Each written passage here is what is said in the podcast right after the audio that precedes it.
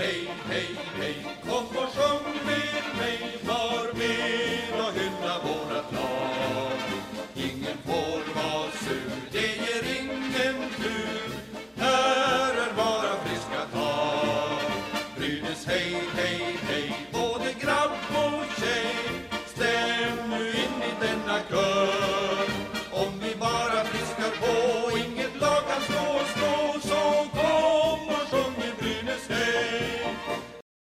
Ja, då ska ni vara varmt välkomna till Brynäspoddens andra avsnitt den här säsongen.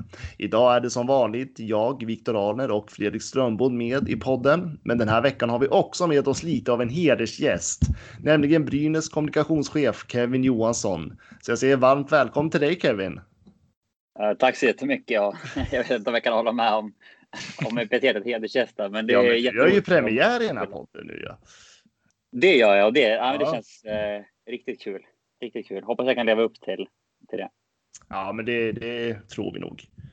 Och Fredrik, du är ju som vanligt med oss. Jajamän. Mm. Vi har, eh, nu har vi satt ribban högt här Kevin. Ja, verkligen. Det är, men det är lika bra. Man, eh, man ska ju kunna prestera under press. Eh, eller tillföra någonting under press. Att, gå på det spåret. Det låter jättebra. Eh, men vi tänkte i alla fall att eh, vi ska, vi ska surra lite med dig Kevin och sen ska vi såklart prata lite om eh, damlaget. Det har ju ändå spelats en match mot Leksand den här, veck- den här veckan som har varit. Eh, vi ska också backa tillbaka bandet lite grann och titta lite på Brynäs historia där vi kommer att fördjupa oss i Tommy Sandlin. Eh, så att eh, det är lite det det kommer handla om idag. Men vilket mål han gör! Vilket mål han gör, Jakob Silfverberg! Vi går direkt till dig Kevin. Du, du kom till Brynäs sommaren 2018. Eh, det var en tid då det var lite stökigt kring Brynäs. Eh, det var mycket hårda röster från fansen. Det var mycket missnöje kring hur kommunikationen skulle fungera. Eh, men jag var ju ändå med på den här resan eh, och eh, fick ju en bild av det att du kom ju med väldigt höga ambitioner till Brynäs IF. Eh, men om du själv tittar tillbaka på den här bilden, hur var det för dig att komma in i föreningen? Jättekul att du uppfattade att, att jag hade höga ambitioner, för det, det kommer jag definitivt med. Och, de är, om inte ännu större idag, så, så minst lika stora nu. Eh, jag har alltid haft en, en, eh, den typen av inställning i min yrkeskarriär, att jag, jag vill göra mer än standard. Jag är inte nöjd innan jag- jag tillför tillsammans med, med mina liksom, kollegor eller de som är runt mig mer än standard. Och det var den ingången. Eh, uppfattningen jag fick utifrån var ju såklart eh, ni, eh, jag, alla som lyssnar på det här vet väl ungefär vilka frågor det är som var, i, som var uppe då. Det är klart att, att det fanns saker eh, som kunde förbättras. Utöver kommunikationen så, så var väl den stora grejen i det läget var det ett ganska utsatt läge eh, kring hela STHL och, och damverksamheten. Eh, och där har jag en väldigt, väldigt liten roll i, i den utvecklingen där. Men där vet jag bland annat att, att Johan Carling eh, gjorde ett, ett jättelass liksom, med att, med att kunna vända, eh, vända den eh, tendensen, så den utveckling som var där. Och, och där kan vi verkligen prata om, för vi ska prata om det idag, eh, vilka möjligheter föreningen har tagit fram rent kommunikativt för att kunna göra eh, saker bättre. Det, det är nog lite enklare att kommunicera eh, vår SDHL-verksamhet idag eh, jämfört med för två och ett halvt år sedan. Så ja, jag hoppas att det sammanfattar det. Det är klart att det, eh, att, att det fanns eh, utvecklingspotential. Absolut. Eh, men jag tänker om du backar tillbaka två år och tittar på nu, liksom, vad är Brynäs där idag som du tänkte att liksom, är, är ni, känner du dig nöjd med den här sträckan ni tar nu eller känner du liksom vart är Brynäs på väg just nu? Eh, tänker du eh, hela föreningen då? Eller Alltså, jag, jag tänker främst i ditt arbete, tänker jag, eh, runt det kommunikativa arbetet. För det har ju hänt mycket grejer de senaste två åren. Det har ju allt ifrån liksom ett helt annat arbete kring sociala medier. Det har ju varit, jag tycker hela hemsidan har ju förändrats nu. Var står ni nu någonstans? Vad är nästa steg för Brynäs? Mm, nej, men det, det, kan vi, det kan vi dra lite i. Eh, där vi är idag, eh, drygt två år senare, jag, hade, jag kunde aldrig någonsin tro att det var de frågorna som jag skulle eh, jobba med. Eh, kan dela upp det här med två åren egentligen. Att första året så om jag börjar med att prata utifrån ett, ett jag-perspektiv och sen Mm, följa mm. upp med liksom, eh, organisationen så, eh, så, så jobbade jag med kommunikation första året och sen tittar vi tillbaka nu ett år tillbaka så har jag jobbar väldigt, väldigt lite med kommunikation eh, och i princip heltid med eh, affärsutveckling eh, och intäktsmodeller för, eh, för företagspartners och privatpersoner. Eh, sen nu där blir det liksom en del eh, branschtermer. Liksom. Vad, vad är affärsutveckling och, och vad är intäktsmodeller och så. Det, ett exempel på det är ju eh, det vi gjorde i somras med fansens värvning. Eh, det är en ganska stor eh, liksom profilering och psykologisk utvärdering bakom ett sådant projekt. Liksom, hur, man, hur man lägger upp det, mycket ideologiska tankar och, och moraliska aspekter som, som vävs in i det. Och jobbar mer med sådana saker idag som, som kanske inte syns eh, utåt. Och för att sen då fylla i det och, och, och det har blivit möjligt tack vare då att Brynäs valde att, att investera i en, eh, liksom en heltidstjänst eh, på en kommunikatör. Eh, det var ett arbete som tog alldeles för lång tid egentligen. Så. Men eh, föreningen valde till sist att göra det och det leder då till att, till att vi idag har en, en kommunikatör som heter Martin Löv Nyqvist som då utför liksom all den, den operativa kommunikationen så och jobbar med, eh, med lagen. Och för att se upp den frågan då så, så där då, ja, då anser jag att, att föreningen är på eh, har skapat en lägsta nivå så eh, i form av att idag uppdateras de sociala medierna. Det är liksom bilder, videos, en del liksom eh, dialog eh, från föreningskontona där på liksom, ja, men det som jag anser någonstans är en hygienfaktornivå. Mm. Eh, sen blir ju nästa del i det svaret blir att nej, jag är definitivt inte nöjd med vad vi är. Eh, jag tycker att det kan bli otroligt mycket bättre. Eh, sen så är mycket av det kopplat till, eh, till framtida eventuella beslut kring investeringar i kommunikation. För eh, kommunikation och, och utförande av det kostar pengar i form av pers personalresurser och, och där ligger väl den utvecklingsdelen. Eh, Mm. och i det läge vi är i nu, covid-19, eh, i det läge vi var innan SHL-verksamheten 12 eh, i ligan så, så finns det andra saker som, eh, som säkerligen går högre i, i liksom den totala investeringshierarkin. Ja, jag förstår. Men jag tänker, finns det någon, jag tänker för att eh, ni är verk, du är verksam inom Brynäs och Brynäs är ju liksom en del av SHL. Eh, finns det något så här direktiv från centralt håll från SHL hur man ska liksom föra sin kommunikation ut till supportrar och fans och så? Eller hur, är det helt fria tyglar för en förening?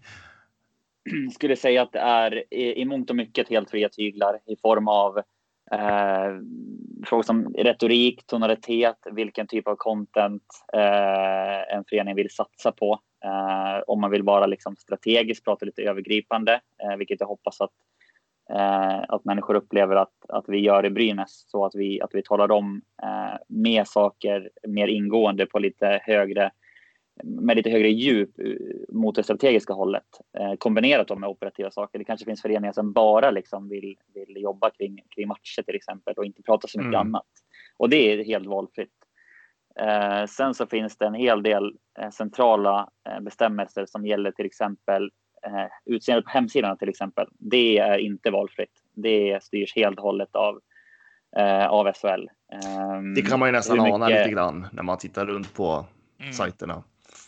Exakt, exakt. Alla ser likadana ut och det är därför Mm. som eh, gällande det, det där med att komma in för två år sedan och jag tyckte liksom att hemsidan såg ju eh, bedrövlig ut. Eh, så det var ju ingen, ingen i Brynäs som ska lastas för det utan det var ju låst till, eh, till bestämmelser. Eh, nu äntligen här så, så öppnades en möjlighet upp att, att få ändra eh, designen och därför den ser annorlunda ut. Eh, så det är heller ingenting som Brynäs egentligen så ligger bakom utan det är mer att vi tackade ja till ett erbjudande om att, om att gå den vägen. Eh, och sen så finns det en hel del direktiv och bestämmelser eh, gällande highlights, klipp, eh, eller vi kan kalla det simor material och det Mm. gäller ju för alla klubbar. När, hur många sekunder simor material får visas i sociala medier och så vidare. Där tror jag säkert att många av, av de andra kommunikationsavdelningarna i SHL-klubbarna hade kunnat visa ännu mer. Å andra sidan så tror jag att alla klubbar är otroligt glada eh, över simor som finns Eh, och förstår att, att Simon också måste värna om, värna om sina rättigheter. Så, att, så det, ja, jag hoppas att det var svar på frågan. Jo, det tycker jag. Men du, du nämnde den här Swish-kampanjen som var i somras. Eh, det vart ju otroligt mycket skriveri om det. Eh, Brynäs fick ta väldigt eh, hårda hugg, både från eh, ja, kanske lite skeptiska Brynäs-fans. Jag var ju själv lite skeptisk i början, eh, men insåg ju sen att det här gick ju riktigt bra. Eh, men än idag så har ju det här diskuterats i diverse hockeypoddar och och eh, ja, andra fans kallar ju Brynäs för tiggarförening, fast det är ju andra föreningar också nu som har gått ut med Swish-kampanjer på olika sätt. Eh, men hur resonerade man i Brynäs innan man gick ut med det här? Vad var liksom? Hur, ja, hur gick diskussionerna? Ja, ett där eh, tycker det är Eh, vi vill verkligen poängtera det. Eh, det är superbra att det fanns eh, liksom, ifrågasättanden och funderingar från, från våra supporterled tack vare att, att ni gör det liksom, och synar det arbete som föreningen gör så kommer det upp fler perspektiv som, som är väldigt bra. Så det, ibland så, så kan finnas funderingar kring, kring om liksom, en organisation skulle tycka att det var något negativt. Jag utifrån mitt perspektiv tycker bara att det är positivt för det, det, är liksom, det håller oss på tå. Sen ja, kring funderingarna.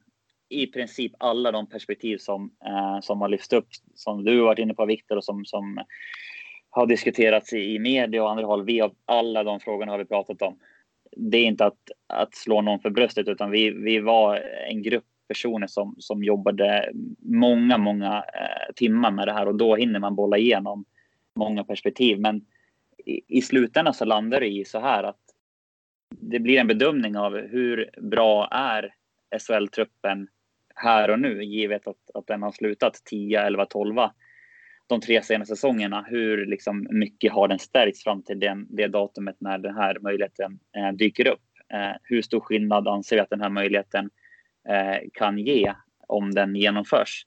Och då blir det ju ganska snabbt en känsla av att Brynäs IF kan bli otroligt mycket starkare både på kort sikt och på lång sikt med Patrik Berglund och Simon Bertilsson i, eh, i lagbygget. Eh, en investering som som kanske kostade x kronor men som kan ge tillbaka x gånger tre om vi till exempel tar oss till ett slutspel i vår när, om det då är publik. Eh, mm, mm. Där det kan finnas en väldigt, väldigt stor ekonomisk uppsida där det finns en större ekonomisk uppsida än vad kostnaden är. Och sen, ja, ni får stoppa mig nu om det blir lite långt. Eh, å andra sidan är det poddformat så vi, det kanske går att breda ut lite. det är bara att köra. Sen, Prata på sen så blir det ju Ja, och sen steg två i det är ju som sagt, då blir det en, en risk and reward eh, ur ett ekonomiskt perspektiv. Okay, hur, vilka, vilken typ av, eh, av investering kan klubben göra? Eh, och då blir då kontentan där att nej, klubben kan inte täcka i och med att jag tror vi redan hade, vi hade åtta backar och 14 forwards på kontrakt tror jag. Mm. Eh, och då är ju en spelarbudget spenderad. Då finns det ju i grund och botten inga, inget kapital kvar. Eh, sen så var det liksom en del eh, surr i media att en spelare ut, en spelare in. Det, det jag tycker är synd i det perspektivet är att, att ibland då så glömmer de som analyserar att okej, okay, men är det någon som vill ha spelaren ut då? För vi, alltså, det kan ju gå ett snack, den och den borde lämna, men det måste finnas en klubb som vill, som vill köpa den spelaren. Eh, annars går inte det. Alltihopa, alla scenarion eh, invägda ledde då fram till att okej, okay, men vi, eh, vi vill väldigt gärna testa om det finns en chans att att investera i de här spelarna. Vi behöver hjälp ekonomiskt. Vi ställer frågan till våra supportrar. Och för att sen sno ihop det resonemanget då. Det här, hela det här begreppet tiggeri är för mig mycket, väldigt märkligt. För det är i sådana fall, om, om man ställer en motfråga eh, till alla som, som ställer det, är det då tiggeri varje gång vi går till en partner? Säg att vi har 500 företagspartners i Brynäs IF. Eh, varje säsong då så kontaktar vi typ säg att vi har 300 utgående avtal då. Varje, då kontaktar vi 300 företag och ställer frågan, vill ni förlänga som partner till, till Brynäs IF? Eh, och då är liksom är det också tiggeri då? Eller är det tiggeri när, när en Brynäs-supporter köper en matchbiljett? Eh, är det tiggeri när en Brynäs-supporter köper en Gott och blandat påse i kiosken eller en Cola Zero mm. i kiosken? Eh, är ni med på restaurangen? Eller på... Ja, jag är helt med, jag är helt med på det. Köper en, uh. köper en tröja i, i shoppen. Det som alla Brynäs-supportrar här var att i princip att de köpte en andel i, i värvningar. Och då är det liksom, okej, okay, vad, vad, får vi för det? För går jag till shoppen och köper en matchtröja får jag en matchtröja. Och här lägger jag in pengar, vad får jag för det? Ja, jag skulle säga att, eh, att alla brynäsare fick otroligt mycket tillbaka. Därför att dels fick vi in två stycken klassspelare direkt här och nu. Dessutom fick vi en betydligt större möjlighet att avancera till ett kommande slutspel en sån utveckling skulle sen också göra att vi blir mer attraktiva bland företagspartners till nästa säsong. Eller vi vart det redan nu till den här säsongen dessutom. Eh, vi blir mer attraktiva för att sälja fler seriekort nästa år. Vi blir mer attraktiva för fler lösbiljetter nästa år. Helheten Brynäs IF blir, blir mer attraktiv i alla håll och kanter. Så det, det är där jag menar att det är en investering som har en avkastning på både kort och lång sikt. Så då kan jag tycka att man, man för den eh, att man fick väldigt mycket för det köpet. Eh, om ni är med på det. Och då för mig kan det aldrig bli, bli tiggeri. Eh, för tiggeri är, är något helt annat. Mm, Eh, mm. Man går ut och ber om, om i princip om, om eh, investeringar eller pengar till inget ändamål alls. Eh, Mm. Mm. Ja, eller i alla fall investeringar till någonting som man inte kommer märka av vad det är. Nej, men precis. precis. Och här var det ju väldigt konkret. Det var ju väldigt tydligt vad det är det vi samlar in pengar till. Så, och jag tror också att det, var, att det är det som, som leder fram till att vi på nio dagar gör ändå då. Eh, vi har 3,1 miljoner plus eh, eftersom att den siffran inte går att spesa på, på monitor då. Eh, men vi gör 1,7 miljoner på nio dagar enbart privatpersoner så. Och det, det tror jag inte hade varit möjligt om, om Brynäsarnas samlade bedömning var att det kändes som någonting eh, ja, men lite oskönt. Så, utan jag tror tvärtom att alla kände att det var de här värdena. Nu, eh, nu gör vi det här tillsammans och sen så lyfter vi den här föreningen tack vare det framåt. Eh, för den, det krutet finns ju i, i, i, den, eh, i de två spelarna. Jag tycker också att det visar en jäkla häftig kraft som finns runt Brynäs också. Eh, just när vi supportrar kraftsamlar oss att det, vi kan ju faktiskt vara med och påverka saker också. Eh, jag, jag har varit väldigt varm i hela hjärtat när, jag, när man såg den här eh, insamlingen dag för dag liksom och Mm. det gick ju långt över min egen förväntan på det här. Eh, och eh, man kände sig liksom eh, chockad fast på ett väldigt bra sätt liksom. Eh, Så att, men jag tycker det, är fint ändå när man hela Brynäs, nu ska jag inte säga Brynäs-familjen, det ska man inte kalla det, men Eh, brynäsarna runt om i Sverige verkligen går in för att stötta föreningen, särskilt i en tid som är nu också.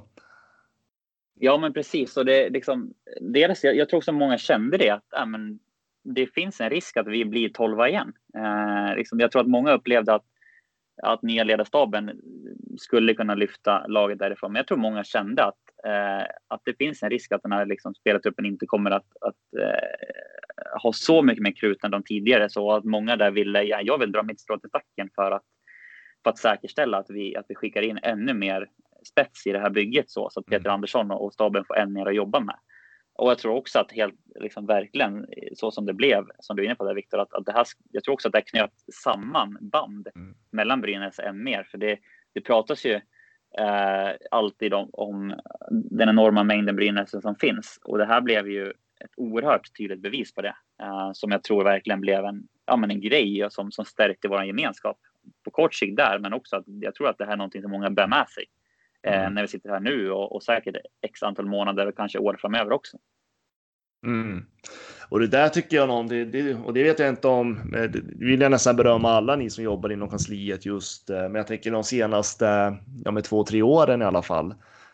För den som har följt Brynäs sen, ja, bebismjölk höll jag på att säga.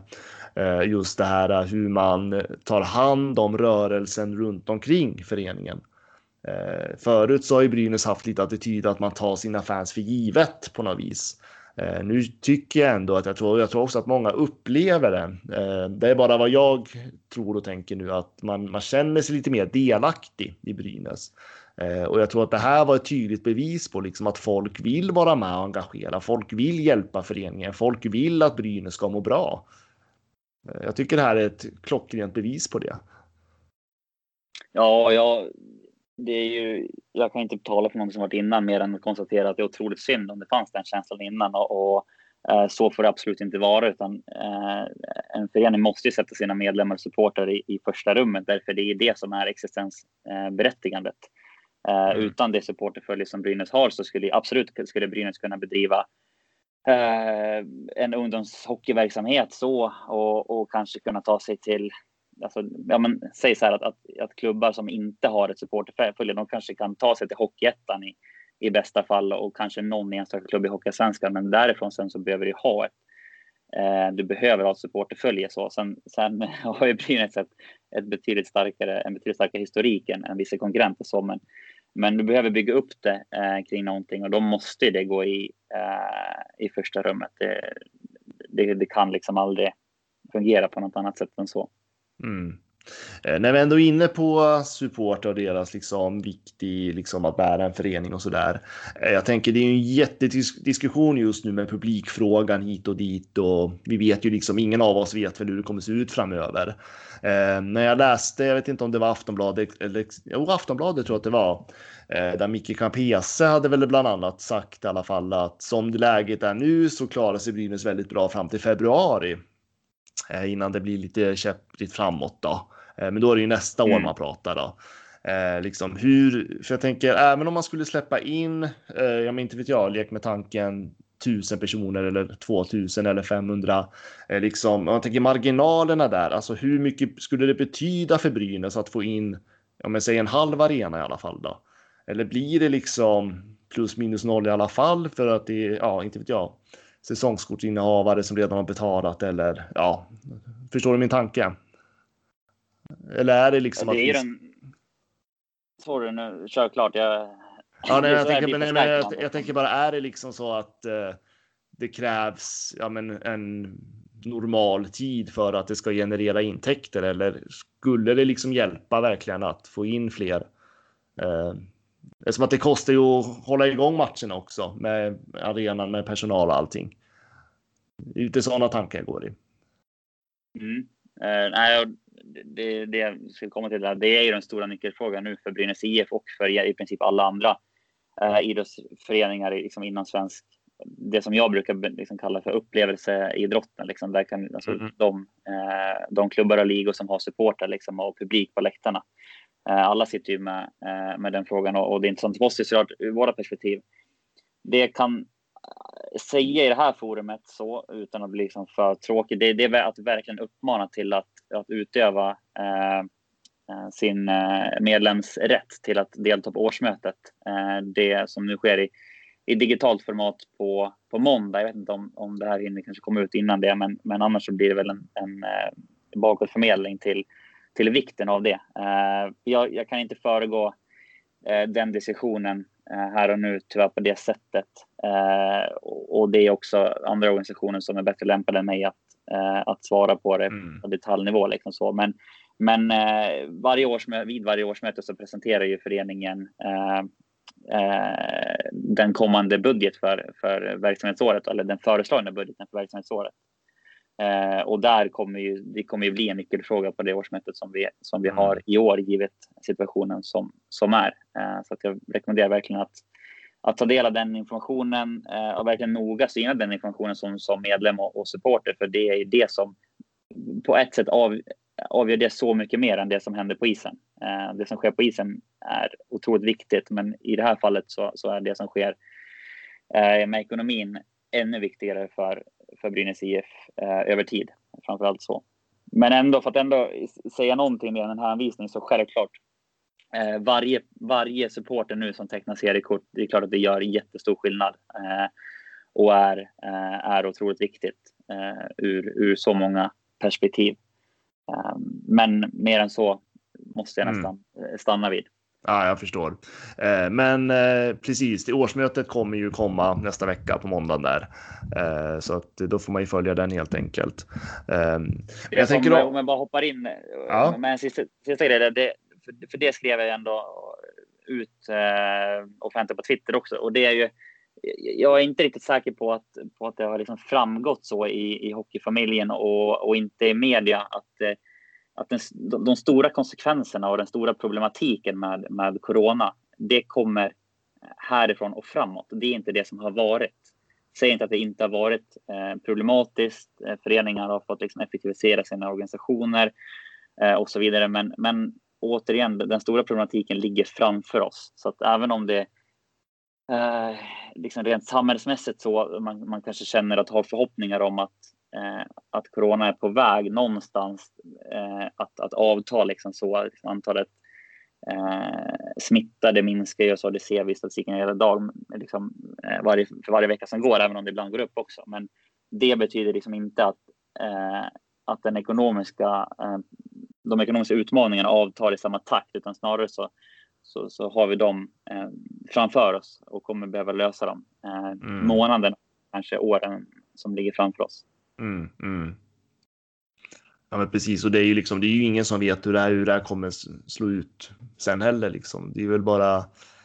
Eh, men jag antar att Brynäs IF och SHL eh, ja, tänker igenom alla möjliga scenarion i framtiden. Eh, det kan jag verkligen uttrycka det här forumet så att, eh, att det hade varit, eh, nu blir det hårda ord där, men det hade varit vansinnigt oansvarigt eh, i det här läget eh, att inte reda ut alla scenarion. Ett best case scenario såklart, eh, liksom så, men, men definitivt ett worst case scenario eh, och, och då förbereda sig för varje tänkbar svängning i det här. Och det kan jag verkligen trycka på förmedla att, det gör vi verkligen. Vi har dagliga möten och det är här det är eh, väldigt positivt att, att Brynäs har en, en kompetent organisation och eh, liksom en, jag ska inte säga en stor, för då blir säkert uppfattningen att Brynäs har en större organisation än andra Sverigeklubbar och det, Eh, det stämmer inte. Eh, så, men, men att det är en bra organisation med roller som är anpassade för att hantera eh, den här typen av frågor, även om corona det kan man ju aldrig planera för så, men, men det sker liksom jag vill att ni som lyssnar på det här ska ändå känna så där att, att för varje skifte som sker i, i covid-19-utvecklingen så, så då kallas det till ett nytt möte i Brynäs IF liksom där, där föreningen hela tiden liksom flexibelt ställer om och, och, och anpassar sig. Eh, jag hoppas att ändå det känns bra att höra så, så att det, det, det är väldigt, väldigt, väldigt prioriterat. Ja, det är ju framtiden det handlar om helt enkelt. Eh, men Brynäs, som sagt, precis som du säger, det är ju Brynäs sitter ju inte själva i det här. Det är ju liksom hela idrottsrörelsen sitter ju i det här just nu. Eh, så att det är ju en stor fråga. Men jag tänker om man, om man är en Brynäs-supporter nu då och känner liksom att nej men jag har köpt säsongskort eh, men vill fortsätta bidra på något sätt, det lilla jag kan göra som individ. Eh, vad kan man göra som brynäsare om man känner att man på något sätt vill bidra? Ja, och nu när jag svarar på det här kommer folk nästan tro att jag har planterat det och bett dig ställa den frågan. jag inte har. Nej, det kan jag lova alla Lisa. Det, det här kom helt spontant. Så att, eh. ja, men jag är glad att du ställer den. Svaret kommer enligt planen den 11 september eh, och vi börjar bli så pass nära och, och, det är så pass viktigt att, att jag ska ändå berätta liksom Eh, det är ju för er och för oss som vi gör det, så att det finns ingenting att hålla på några hemligheter, så är det. Och det är också viktigt, för det börjar utifrån det du säger Viktor, där med det, det lilla eller det, det, stora man kan bidra med själv. Och det, mm. här Fansens värvning visar att det viktiga är, för här, här kan jag bli ganska eh, ideologiskt och, och liksom eh, moraliskt passionerad i att, att det är en helhet som ska göra saker. Det, det går eh, att ha eh, i vissa utländska ligor liksom ett företag som, som äger föreningen och vi kommer in på 51% regeln i liksom svensk idrott här och som bara pumpar in liksom, eh, fantasibelopp. Där är inte vi och den föreningen är inte vi. Eh, Fansens värvning visar att liksom, även en swish på, på 10 kronor eh, bidrar till någonting i en helhet.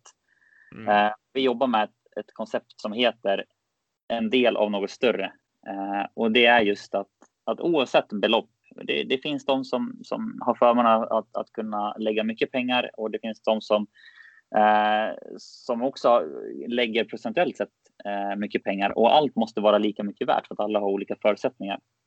Eh, och den modellen, det, det kommer gå ut på att att det blir just det du säger. Om man som brynäsare vill stötta föreningen ytterligare, eh, vad eh, kan man då göra? Eh, och det viktiga här blir ju att om man tänker så här, för det du säger är om man redan har köpt seriekort. Jag ska komma ihåg att, eh, att förra säsongen som var ett rekordår i liksom modern tid så sålde föreningen 2300 seriekort. Mm. Och sen så pratar vi ändå i termer om att vi har upp mot 500 000 sympatisörer. Eh, sen kan man säkert analysera den siffran. Men det vi kan konstatera är att det finns en otrolig mängd brynäsare som inte har seriekort till exempel. Mm. Eh, och som då liksom, så vi ska inte lägga allt ansvar på, på seriekortsinnehavarna, så, utan det är här det blir mängden människor. Vi ska komma till poängen då, men, men där blir det då en modell där du kommer att, att kunna kliva in i ett, eh, ja, vi ska kalla det ett abonnemang eller en prenumeration, eh, liksom en övertidlösning där du, där du blir en del av större för att finansiera den här föreningen. Eh, och jag får, när jag har dragit den här presentationen internt och, och eh, externt också, liksom, eh, för andra klubbar och så vidare eh, som har frågat, så blir frågan så här, men vad, vad får man då? Eh, ja, det var min tanke och, nu också. ja, exakt. Eh, och självklart så kommer det bakas in en del värden i det, men det viktiga och mest elementära, och det blir också ideologiskt, det är att ja, men du får eh, att din förening har bättre möjligheter att prestera mm. eh, framåt. Egentligen precis som med, med Fansens värvning, där fick du två jäkligt bra spelare. Här, om det här lyckas och vi tillsammans gör det här, för det, det kommer att krävas att, att vi gör det tillsammans, mm. så, så kommer det att leda till att man får en massa saker i form av att föreningen presterar bättre. Det kan vara att det är, blir Eh, en värvning till, till ett damlag, det kan bli en värvning till ett herrlag, det kan bli att stärka eh, en bra start, det kan bli att utveckla den rena dräkten eller behålla den rena dräkten. I, liksom så. Det, det, möjligheterna i det är oändliga. Liksom. Eh, men modellen i det då är att man då kliver in i ett abonnemang eller en prenumeration. Eh, och anledningen till att vi har valt det, det skulle säkert kunna vara en helt separat podd, så, eh, men det är för att vi vill ha en lösning som är som är över tid, som inte bara, för det, det här är verkligen inte bara en, liksom en coronakrislösning. det här hade vi på ett planeringsstadie innan corona bröt ut. Sen får man tro, tro på det man vill eller inte så. Eh, men, men det är en lösning som, som min dröm och föreningens dröm är det. Eh, det blir att den kommer leva i en säsong till fem säsonger till i princip 50 säsonger eller 100 säsonger. Vem vet liksom så vad framtiden är. Mm. Men att det blir en, en finansieringslösning liksom som, som stärker Brynäs IF. Och, uh, innan, innan jag ska låta andas här så ni, ni får hänga med också. Men den bygger, om man ställer sig frågan eh, övergripande, vilken är Brynäs IF spets eh, egenskap, eh, liksom investeringsmässigt eller kommersiellt? Då är det ju, eh, om man tänker så här, Frölunda har ju sin arena. De, de utklassar ju alla andra föreningar i publikintäkter därför att de kan ha ett publiksnitt på 11 000. Mm. Eh, så därav så uppenbarligen då så, så tickar det in större pengar för dem där. Eh, vår spetsegenskap, det är ju mängden supporter. Fansens värvning visar det. Eh, och, och jag, jag, är helt övertygad på att den här modellen kommer att kunna sätta ett ännu större avtryck och ett statement i, i Hockey-Sverige så, och egentligen bland all svensk idrott. Eh, för att jag upplever att våran, ni liksom tycker gärna till dem, men jag känner att spetsegenskapen i Brynäs IF, det är just kraften och storleken på följet. Mm. Ja, precis. Var det begripligt? Det var begripligt. Vad tyckte du Fredrik? Ja, absolut. Det, det är också min uppfattning av det. Jag som göteborgare känner ju samma sak. att Det, det känns som att Brynäs spets på, den, på det, det perspektivet är att vi finns överallt i hela Sverige. Det är mm. verkligen inte centrerat till Gävle så som, så som Frölundas fans är ju ofta eh, finns ju oftast här bara i Göteborg och kranskommunerna. Men men göteborgare möter man ju i, i Malmö eller i Kalix eller i Luleå eller vart som helst. Mm. Och det blir svårt. Det blir svårt för dig som göteborgare att någonstans alltså stötta föreningen via ett seriekort, för det blir svårt för dig att, att utnyttja det. Sen hade du ju liksom, summan till exempel, om vi verkligen hade velat, okej, okay, men jag vill stötta Brynäs IF med Eh, vi tar seriekort kategori vinröd, det, det kostar ju 2000 liksom. Jag, jag vill stötta Brynäs med 2000 kronor liksom, så jag, då lägger jag, då köper jag ett, ett seriekort även om jag inte kan utnyttja det. Liksom. Den möjligheten finns ju, men då mm. tror jag ändå att, att man hellre ser eh, att man hellre ser att man kan liksom dela upp den betalningen via typ ett abonnemang och sen att man får andra saker kopplat till det som, som ändå ger ett, ett betydligt större värde för en brynäsare i Göteborg än att ha ett seriekort som som man i bästa fall då kan låna ut till någon som bor i Gävle på typ tisdag och torsdagsmatcher. Ja, precis. Mm. Ja, det blir ju en tom stol till i arenan också. Om det är någon på andra sidan Sverige som Ja, det är också så jag, jag har resonerat lite. Jag hade ju velat stötta på det sättet jag kan härifrån, men jag vill inte heller bidra till att det, jag kommer ju, det kommer ju vara en tom stol bara för att jag vill jag vill kunna pytsa in pengar härifrån. Men man vill ju ha så mm. mycket folk som möjligt i arenan. Mm. Nej, men så är det också. Så, att, så jag, hoppas, jag hoppas verkligen att, att det här, såklart så har vi, vi kollat av det och analyserat noga. Det är ett jobb som pågått, ja, men som jag sa, planeringsstadie i, i säkert, eh, säkert ett år. Men jag hoppas verkligen att, att vi lyckas förmedla, här blir kommunikationen viktig, förmedla mm. liksom kärnvärdena i det och med, liksom, på ett smakfullt sätt så att det inte blir återigen en ny diskussion om, om till exempel tiggeri eller inte, för det, det är återigen inte det det kommer handla om, utan det kommer handla om vill liksom Brynäs-kollektivet finansierar klubben till nästa eh, nivå, liksom, ja men då gör vi det. Och, och vill Brynäs-kollektivet inte det för att man känner att nej, men det här är inte rätt modell, nej men då är det inte det. Och då, då är det beslutet liksom. Eh, och sen så utgår man eh, så, så, utgår man och, och bygger vidare på det. Mm. Spännande. Då är det någonting som kommer lanseras då 11 september sa du?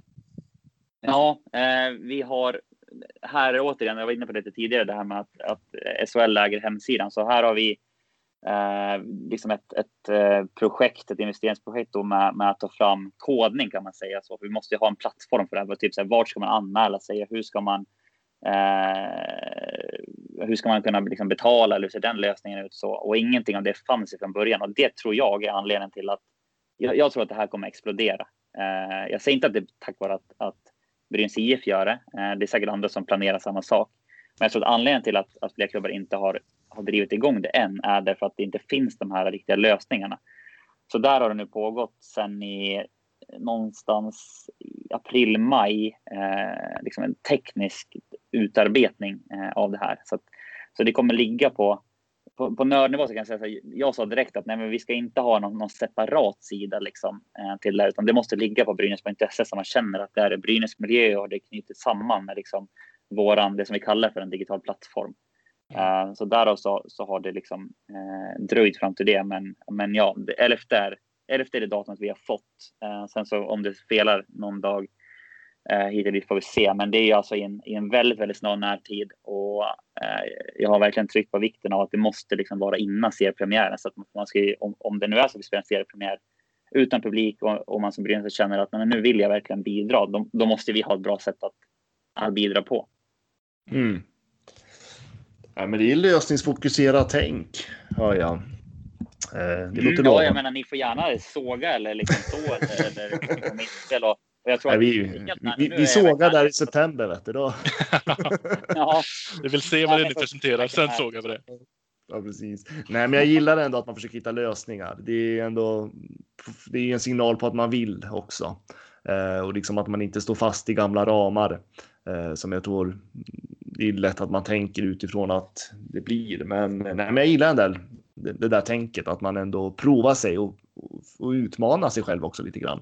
Eh, och det är ju så, det är, jag tänker det är så föreningen kommer att utvecklas. Ja, men det är verkligen så. Och när du går i täten för någonting och är först ut med någonting, ja, då tar du också en risk. Du tar ju risken att bli sågad. Men mm. där upplever jag att vi har en, vi har en organisation idag det är ingen av oss som har något problem med, med eh, att bli sågade för att vi försöker göra Brynäs bättre. Ingen av oss tror att vi eh, sitter på något facit eller att vi vet allt, men alla vi är överens om att, att vi ska jobba eh, på alla sätt vi kan för att stärka den här föreningen. Och sen, så, sen får ju människor ge svaret. För det vet du inte när du gör någonting nytt. Du vet ju inte hur, hur liksom den samlade allmänheten kommer att, eh, kommer att reagera, men du kan inte ta reda på det om du inte, om du inte testar. Om jag, om jag bara får, får testa er två, får jag göra det? Mm. Ja, absolut. Vi säger så här. Eh, vi tar årets omsättning. Brynäs omsatte i år 160 miljoner. Mm. Eh, då slutade vi eh, 12 med herrtruppen i SHL och vi slutade trea i SDHL. Om jag sa så här, om vi kunde höja eh, om den omsättningen, om vi kunde addera 5 miljoner till intäkter till 165 miljoner och så skulle det betyda att vi lyfte avsevärt. Vi kanske, skulle, vi kanske lyfte till att vara en topp 4-klubb i SHL och vi kanske lyfte till att spela en SM-final i dam. Hade ni då tyckt att det var värt att bli en del av den Eh, investeringslösningen? Ja, absolut. Fem, alltså, det handlar ju mycket då som du har varit inom med paketeringen och så. Det, jag, själva summan vet inte jag om den kommer nå ut på det sättet till oss som kommer vara de som är intresserade i så fall. Utan det kommer kanske handla mer om hur presenteras det för oss för att vi ska vilja vara en del av det. Ehm, och då ligger ju såklart, jag tänkte vara inne på det tidigare också, att man är ju som göteborgare eller brynäsare eh, i Göteborg stolt över hur att det ligger, Brynäs ligger ju framfart i, i, i framkant i många grejer. Och det är kul att att så som du beskriver, att det är någonting nytt på gång nu som kommer komma i september och det är inte testat förut. Och det känns som att det är många av de grejerna som omvälvar Brynäs och då vill man ju bara på grund av det vara en del av någonting som kommer göra organisationen ännu bättre. Så absolut, det ställer man ju definitivt positivt till. Viktor? ja, precis. Eh, ja, men som en bitter Gävlebo. Nej då. Eh, nej, men jag håller faktiskt med i det där. Jag tänker att eh, Dels så tänker jag som supporter att först och främst vill man ju såklart se att det jag bidrar med såklart hjälper till att stabilisera föreningen, men sen också att i slutändan också se resultat på isen. Eh, och, eh, och det är, jag tänker precis som vi har pratat om tidigare här, att man kanske känner sig lite mer involverad i föreningen på något sätt. Och då blir man ju också, alltså jag tänker, det är ju så vi människor fungerar. Man blir ju mer engagerad i någonting om man känner liksom att eh, ja, men Brynäs har öppna dörrar och liksom vill verkligen få igång hela den här rörelsen som finns runt föreningen. Eh, så det är klart att jag, jag som person skulle rätt vara på det i alla fall om det skulle visa sig att det ger sånt där resultat också. Ja, men det är bra. Då har jag klarat mig igenom, eh, eller och vi har klarat oss igenom en, en första opinionsmätning. ja, det, är väl... det, Ja, men du vet, det är vi två som representerar alla 500 000 brynäsare. Exakt. ja, ja, jag känner er verkligen representativa nu, liksom, utan tvekan här. Det är klart. ja, nej, man får ju hoppas att fler håller med oss naturligtvis. Um... Jag har tänkt mycket på det faktiskt, just det här med, och det är kul att du berättar att det är, att det är den här um, Eh, lösningen på väg i, i september för både det här med en bra start och, och Swiss-kampanjen som har varit det är ju grejer som ligger i framkant och jag ser, ju, jag ser ju lättare på eh, Frölunda härifrån eftersom jag bor i stan. Jag ser inte samma jag märker inte av samma nytänk eller chansning på någonting som skulle kunna bli väldigt bra eller väldigt dåligt. Det vet man ju som sagt inte vad som har testat det. Men jag tycker att på många kanter så är Brynäs väldigt framåt i att testa sig fram. Och det, det, man känns lite stolt över det som eh, utanför Gävlebo liksom. Och då vill man ju vara en del ja. av, eh, av nya lösningar som kommer. Det, jag tycker det är skitkul. Mm. Ja, det är grymt roligt och eh, det är ju som sagt, det är de förväntningarna ni ska ha på, på föreningen och, och alla som jobbar för er. För det, den retorik, ideologin måste man också ha att, att vi här på kansliet är ju verktyg för att göra er upplevelse bättre. Eh, det är i alla fall så jag ser det när jag går till jobbet. Och det är sånt där vi gillar att höra. Mm. Eller hur Fredrik? Exakt. ja, men det är ju så det är. Så att jag menar, ja. Ja. ja, men absolut så är det. Och jag vet ju själv, jag har ju suttit i många möten med ni som har jobbat inom kansliet och jag har ju själv varit där väldigt mycket, så jag vet ju hur hårt ni jobbar. Eh, och jag har sagt det, jag vet inte hur många gånger jag har skrivit det i krönikor och sagt det tidigare. Jag har fullt förtroende för alla som jobbar inom kansliet. Eh, sen är det ju tråkigt att sporten har liksom legat efter lite grann nu, men det händer ju saker där också. Eh, men jag tänker att vi behöver gå vidare. Tiden rullar på. Nu har han gjort flest mål i en SM-finalserie i ett SM-slutspel genom tiderna. Men vilket mål han gör! Eh, och jag tänkte, hur mycket historia kan du, Kevin? Jag är kass. Jag är fullständigt urusel på det. Ni lärde inte Brynäs historia i Västerås? Nej, jag har ju. Jag, jag, behöver ju ursäkta mig lite där med att jag, jag är uppväxt på eh, på annan ort så att jag. Mina starkaste historiska referenser. Jag är heller inte eh, superrutinerad i livet. Jag är född eh, 1990 Eh, Eh, så mina referenser börjar ju med, eh, med Bisset och, och Janne Larsson och Ove Molin. Det, det är så här, man minns att, att varje gång man såg på Sportnytt så, så hade ju någon av dem gjort mål. Liksom. Eh, det, det, är den första referensen. Det, jag menar, ja, Tom Bissett, det, han gjorde ju 700 mål. Liksom. Det är så man minns det. Ja, det, är, det är ju ingen dålig referens du har, måste jag säga. Nej, det är inte. Nej, verkligen inte. Han hade ett coolt namn också.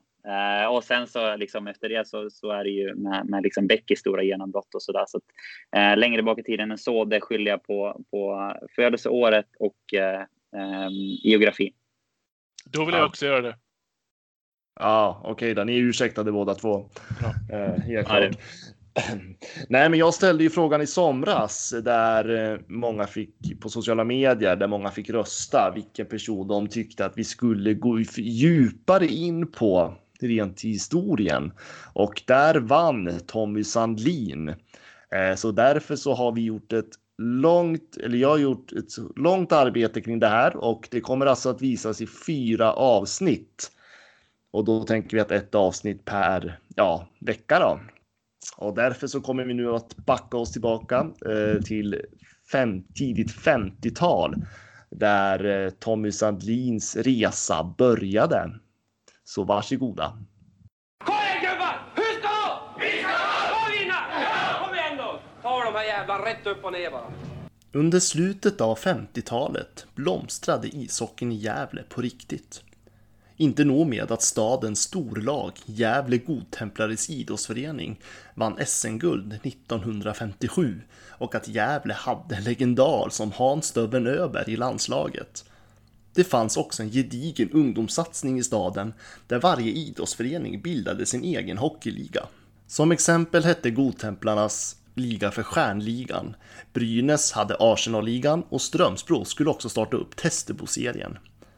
Varje hockeyspelare från Gävles större föreningar fick ett varsitt knattelag att vara fadder åt och genom detta fanns det i princip ingen pojke i Gävle som inte spelade ishockey.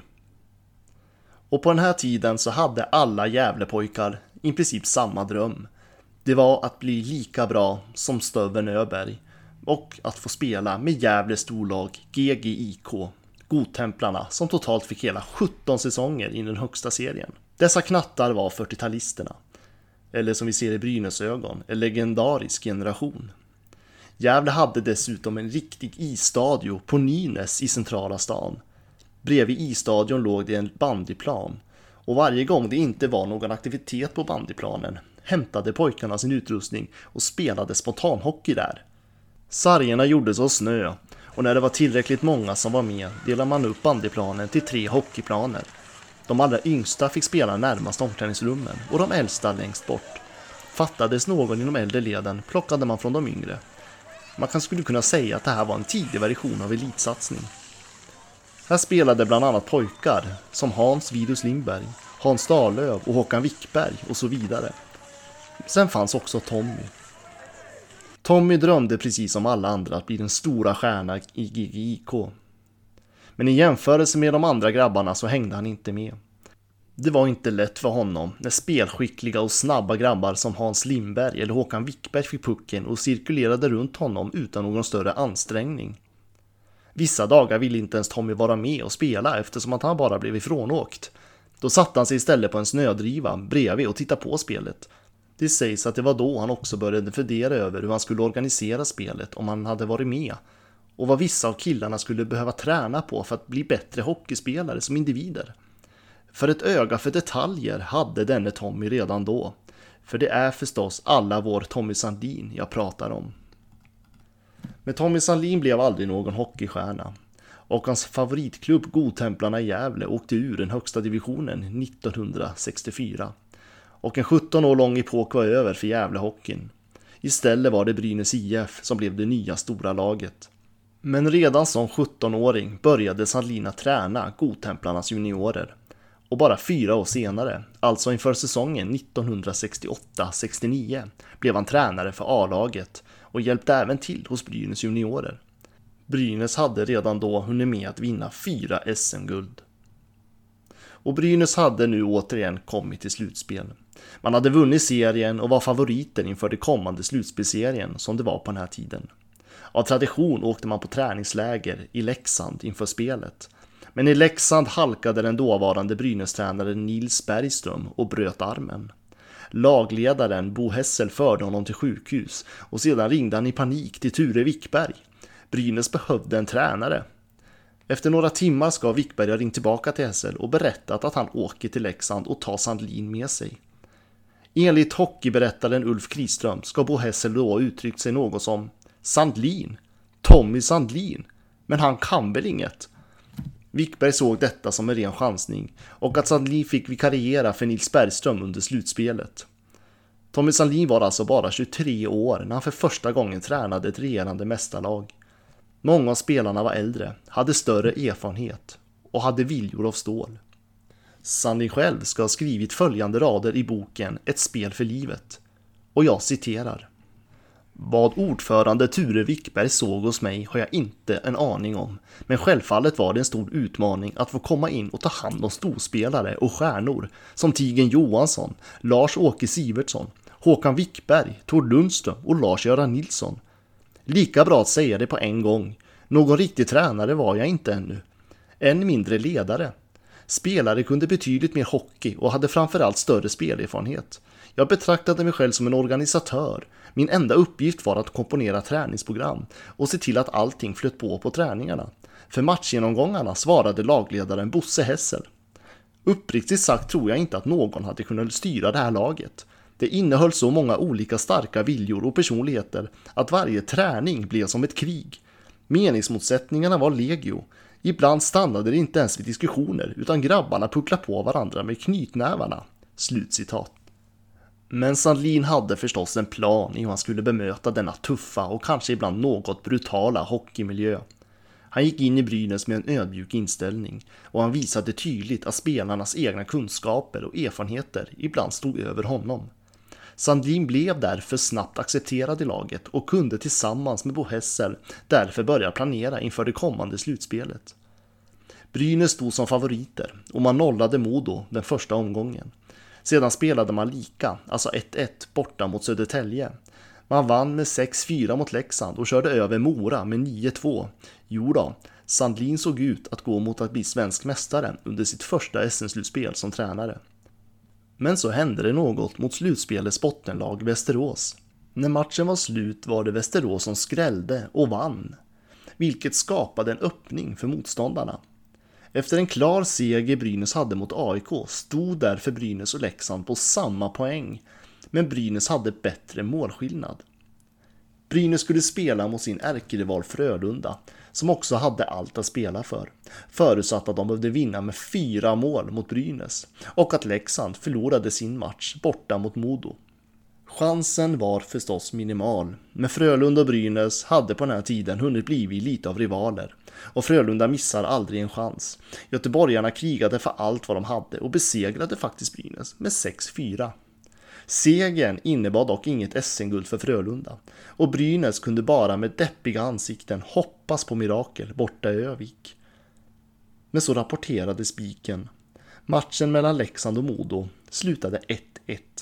Leksand hade fått den där extra poängen de behövde och hade därför blivit svenska mästare. Brynäs förlorade guldet i skandalmatchen mot Västerås, konstaterade den unge och oerfarne Tommy Sandlin. Brynäs belastade inte Sandlin för att man missade guldet och spelarna tyckte trivas bra med Sandlins sätt att leda. Han hade ett metodiskt upplägg på träningarna som passade spelarna bra. Därför valde till slut styrelsen att ersätta Nils Bergström med Tommy Sandlin. Det var alltså en olyckshändelse som gjorde att Sandlin blev tränare för Brynäs IF. En tränare som vi idag betraktar som den största genom alla tider i Brynäs IF.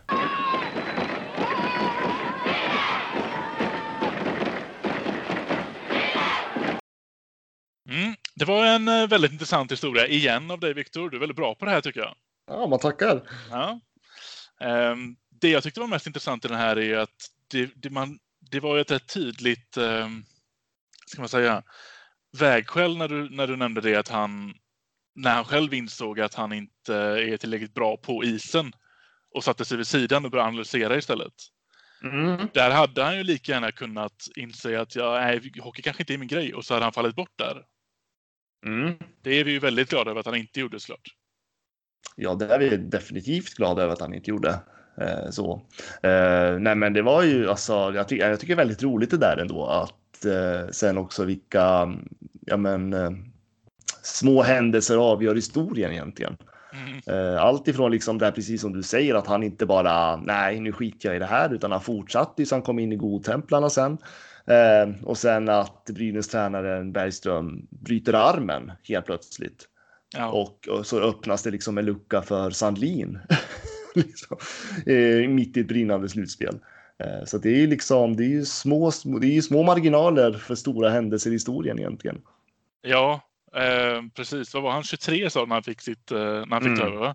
Mm, ja, i slutspelet där. Sen var han ju 24 när han kom sin första hela säsong då. Mm. Det är, en, eh, det är vågat chansa med en 23-åring. Ja, och det var ju ingen annan än Wickberg som trodde på honom heller. Han själv skrev ju till och med att han inte var någon bra tränare då. Så. Det är bra, bra PR. Ja, men det är bra, eller hur? Eh, du då Kevin, lär du någonting? Ja, verkligen. Det är ju som sagt, eh, du och jag är ju yin och yang i det här sammanhanget. Om jag är, om jag är urkast så är ju du eh, otroligt vass på det här och, och berättar på ett, på ett väldigt bra sätt. Så ja, jag suger in med den info jag kan. Eh, jag, jag, tänker just på ett sånt så här, eh, börjar längta till, till vi har en, en tränare som vinner så många SM-guld med Brynäs IF igen i, i framtiden. Det är ju en, eh, utan att, att hårdvinkla det överhuvudtaget så är det en sagolik eh, karriär som, som eh, Sandin hade. Eh, mm. det, det är någonting helt utöver det vanliga. Så att, väldigt häftigt att, att lyssna till. Ja, precis. Och vi kommer ju som, som sagt fortsätta på Sandins resa kommande avsnitt också. Mm. Eh, nej, men det, det, det, det satt jag också tänkte på. Det var länge sedan Brynäs hade någon sån här tränare som var med år, alltså sån här år efter år efter år. Jag tycker andra föreningar har ju det lite grann nu. Eh, så att, eh, men vi, vem vet? Peter Andersson. Ja. Du får fjäska lite för honom där Kevin. Om man gör det bra. Ja, så, att han, så, att han, så, att han, vill stanna kvar i Brynäs. Både Peter och, och Henrik Glas där tror jag är, eh, är två, bra, eh, två bra kandidater och, och uh, givet den, den utvecklingen som vi nu ser. Eh, vi har sett den resultatmässigt med damlaget och, och, och, jag tycker att vi har sett den truppmässigt nu, den här sillen här. Så ja, jag hoppas att det inte dröjer för länge innan, innan föreningen är, är där igen. Från ingenstans Leif, det går inte! Han gör mål! Vilka handleder, vilken spelare! Eh, men vi går vidare tycker jag. Vi ska prata SDHL. Eh, mm. Det har ju spelats en match, eh, en totalt överkörning. Och där fick ju du vara lite speaker, höll jag på att säga. Kommentator Kevin. Det tyckte jag, ja, att, du skötte, det tyckte det... jag du skötte bra ändå. Ja, det tyckte jag också. Ja, tydligen, där då är ni snälla. Herregud, jag var eh, missnöjd med min insats där. Jag var verkligen... ja, jag var överlägset sämst i arenan kan jag säga. Eh, där. Men, eh, Nej, du... Man får ta en för laget ibland. Ja, du får inte vara för hård mot dig själv. Ja, det, det, det, det, det ja. så är det i, i den där utvärderingen. Men eh, nej, men det, Ja, nej, men jag, jag, jag, jag, minns ju, jag minns ju så väl när du satte mig i speakerbåset där vid någon träningsmatch för damerna. Var inte det mot Leksand också? Det? Det plötsligt skulle, ja, det skulle, ja, man skulle rabbla upp alla namn där i arenan och jag visste ju inte hur ena uttalas efter andra. Men ja, det är sånt där man får göra tydligen i Brynäs IF. jo, men det blir ju den här eh, så, så, tydliga grejen att vi är eh, liksom ett lag här också. Att, att vi, ja. Eh, vi tar den positionen eh, som behövs. Nu hade vi för Larsa Lindberg, en av våra säljare. Han var speaker. Eh, mm. Det var han den här gången. Så, att vi, ja, så vi, nej, vi försöker hjälpa till ja, det blir... där det går. Men ja. Ja, det är roligt. Var vi bättre på isen. Ja, men absolut. Eh, men Fredrik, vad tyckte du om matchen? Jag tyckte det var skitkul. Eh, främst, det roligaste av allt kanske var äntligen få se Brynäs tröjor spela hockey igen, för det var alldeles för länge sedan nu. Och ännu roligare att det var en sån spel mot ett mål. Det var ju en kross. Ja, det var eh, superkul att se. Massa, jag, jag, vet inte om det var att det här att det var länge sedan att se en match eller om det, eller om det var så bra spel från dem. För jag tyckte jag såg massa detaljer som är så här ja, den passningen, den, det är en guldpass, guldpassning där och den också, ja, den vändningen. Nej, det är, jag, jag njöt hela matchen. Alltså jag var lite pos alltså positivt förvånad av att det var så pass högt tempo för att vara en första match. Ja. Eh, rent krasst. Jag tyckte, eh, sen tyckte jag det var jäkligt roligt också att Hanna Tuvik gjorde första målet. Eh, det var ju inte den spelaren jag förväntade mig skulle göra första målet, men eh, hon ska ju vara med i Tre Kronor nu också, eller Damkronorna, eh, på något läger. Såg jag idag.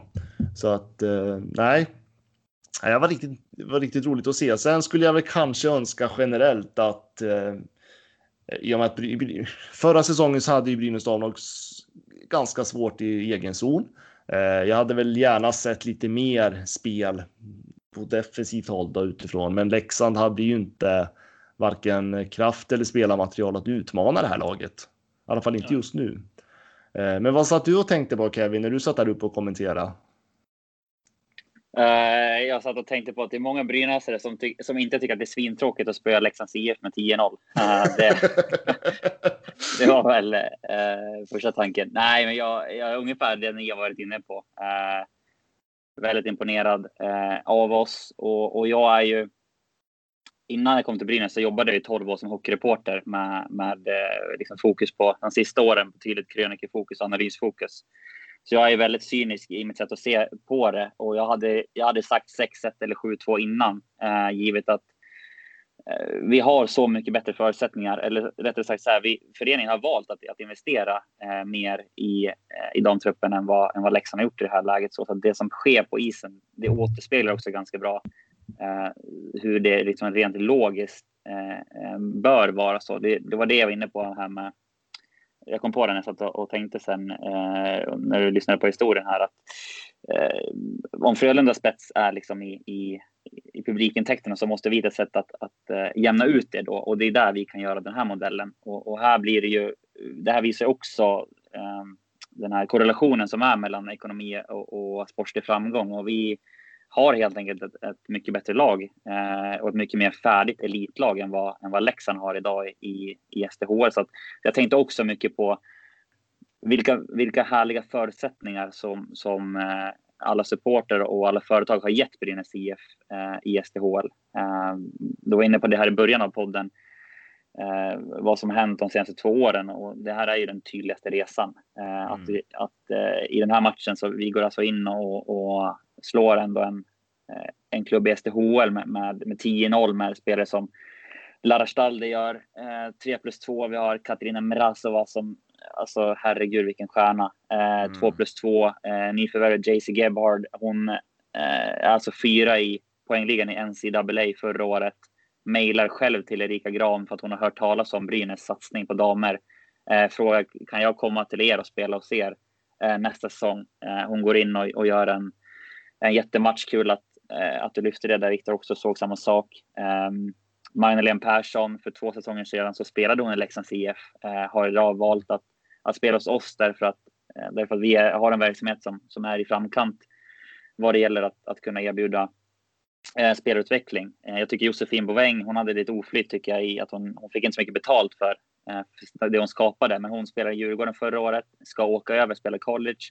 Det går inte på grund av Covid-19, okej, okay, det blir spel i Sverige. Det mest logiska då är ju kanske då att återvända till klubben som man spelade i säsongen innan. Eh, istället så kontaktar hon också själv eh, Erika Gram. Kan jag eh, komma till Brynäs? Eh, och där blir jag liksom utan att bli liksom så blödig eller sådär. Men, men jag kan ändå känna en stolthet över att vara del av, av en organisation som har flyttat sig så långt eh, fram och, och alla människor Eh, ingen nämnd, ingen glömd eh, bakom att ha skapat det. Men för att ändå nämna någon så, så ändå då Erika att eh, vilken sportchef det är för Brynäs mm, IF. Mm. Ja, det är helt fantastiskt. Eh, och den här, ja, precis som du säger, och jag tror att alla som har följt Brynäs eh, lång tid känner till vad som var innan den här tiden också. Eh, hur illa det faktiskt såg ut. Eh, och jag vet att vi på Svenska fans skrev ju väldigt vassa rader kring det här och hamnade på diverse krismöten med styrelsen och ledningen och eh, bra möten ska jag säga. Eh, och sen dess och så var det ju liksom. Det har hänt så mycket. Det är helt otroligt mm. eh, och det är liksom bara att ja, man bara lyfter på hatten för alla som jobbar runt eh, damverksamheten just nu. Det är bara, ja, det, det blir roligare och roligare att se bara. Ja, verkligen.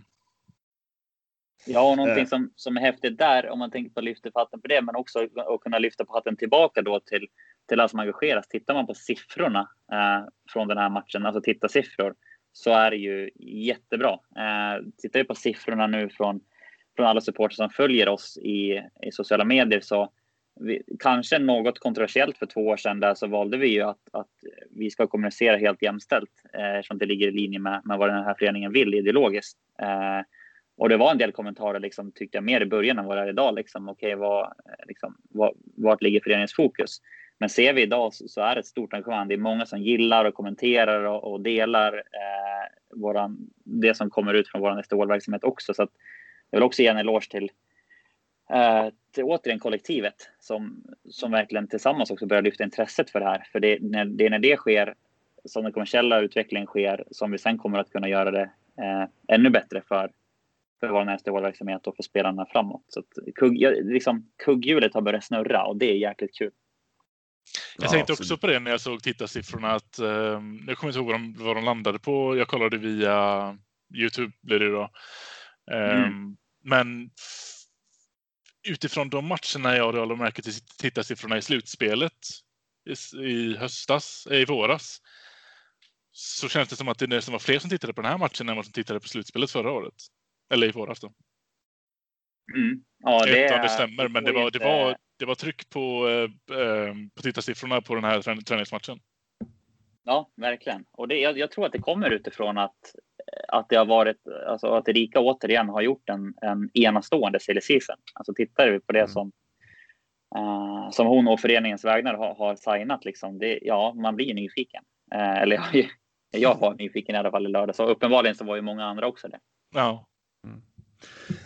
Ja, alltså, nu ställer jag en fråga från hjärtat här till båda er två, men jag måste nästan ställa den. Är Lara Stalder världens bästa damspelare? Eh, det var lite intressant. Jag, jag, vi hade den diskussionen idag eh, på kansliet och jag är ju så här. Journalistådran kommer ju där i att, att jag vill att vi ska. När vi säger någonting så ska det vara underbyggt.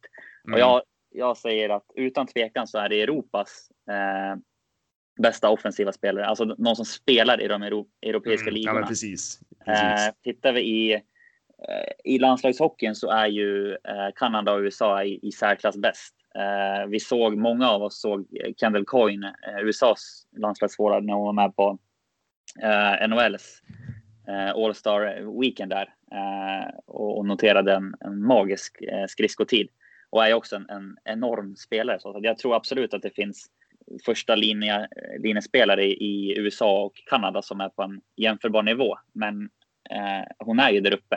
Eh, Mm. Min bild av det. Absolut en, eh, absolut en topp 10 och kanske en topp 5 forward i, i världen. Liksom. Och det är ju en enorm lyx eh, att ha henne i, i vår förening.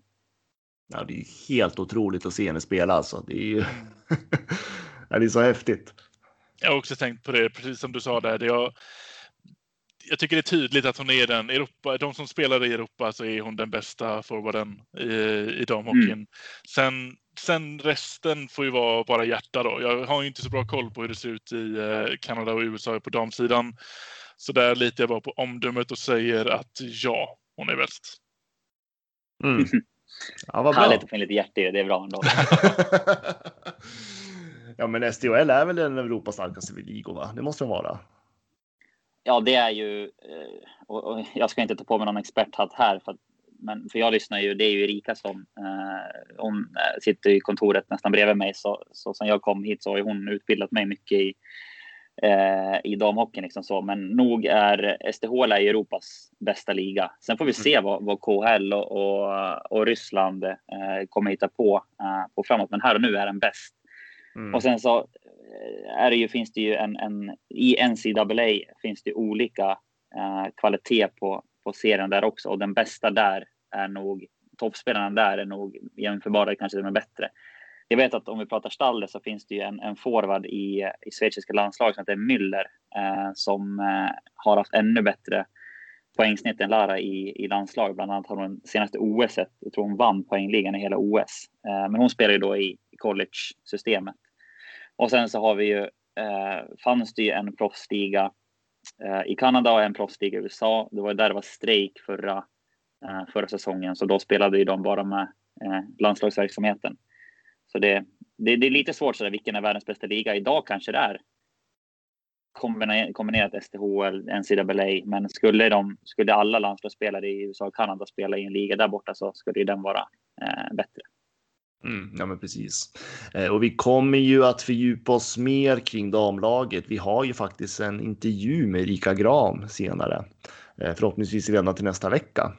Ja, precis. Eh, så det ska bli väldigt intressant. Eh, Får jag beställa men- en fråga där till den? Får man skicka med en sån? Ja, det får du Ja, göra. absolut. Gud, ja. Alltså, göra henne lite osäker så där och se hur hon reagerar. Ställ, fråga så här, bara så här rakt av. Hoppas att du inte hör det här nu då, men hur känns det att vara Sveriges bästa sportchef? Oh. Ja, Ja. den ska vi ta med oss. Ja, den tar vi med oss. Ser när hon, hon ska brottas lite med, med ödmjukheten där och hitta svar. Det kan bli kul för förhållning faktiskt. ja, ja, det, det är ju du Fredrik va, som ska intervjua den. Så, Ja, så att, eh, Jag du tar med den. ta med den frågan. Eh, men vi ska gå vidare tänker jag. Vi har ju fått lite lyssna frågor. Men allvarligt talat Leif Boork, du håller på med hockey i 600 år. Hur skjuter karln? Hur skjuter han? Han skjuter väldigt bra, han skjuter väldigt hårt, han skjuter väldigt pricksäkert. Eh, Så, och jag vill faktiskt börja med en som jag fick eh, till mig idag. Se om du kan svara på den Kevin. För det, ja, alla frågor jag fått in idag är ju till dig egentligen. Eh, och då var det en som fråga de nya, alltså designen på tröjorna. När får vi se dem? Första september. Första september. Ja, det var det, var det korta svaret. Eh, Ja, ja men det var, det var ett bra svar. Ja, det var jättebra.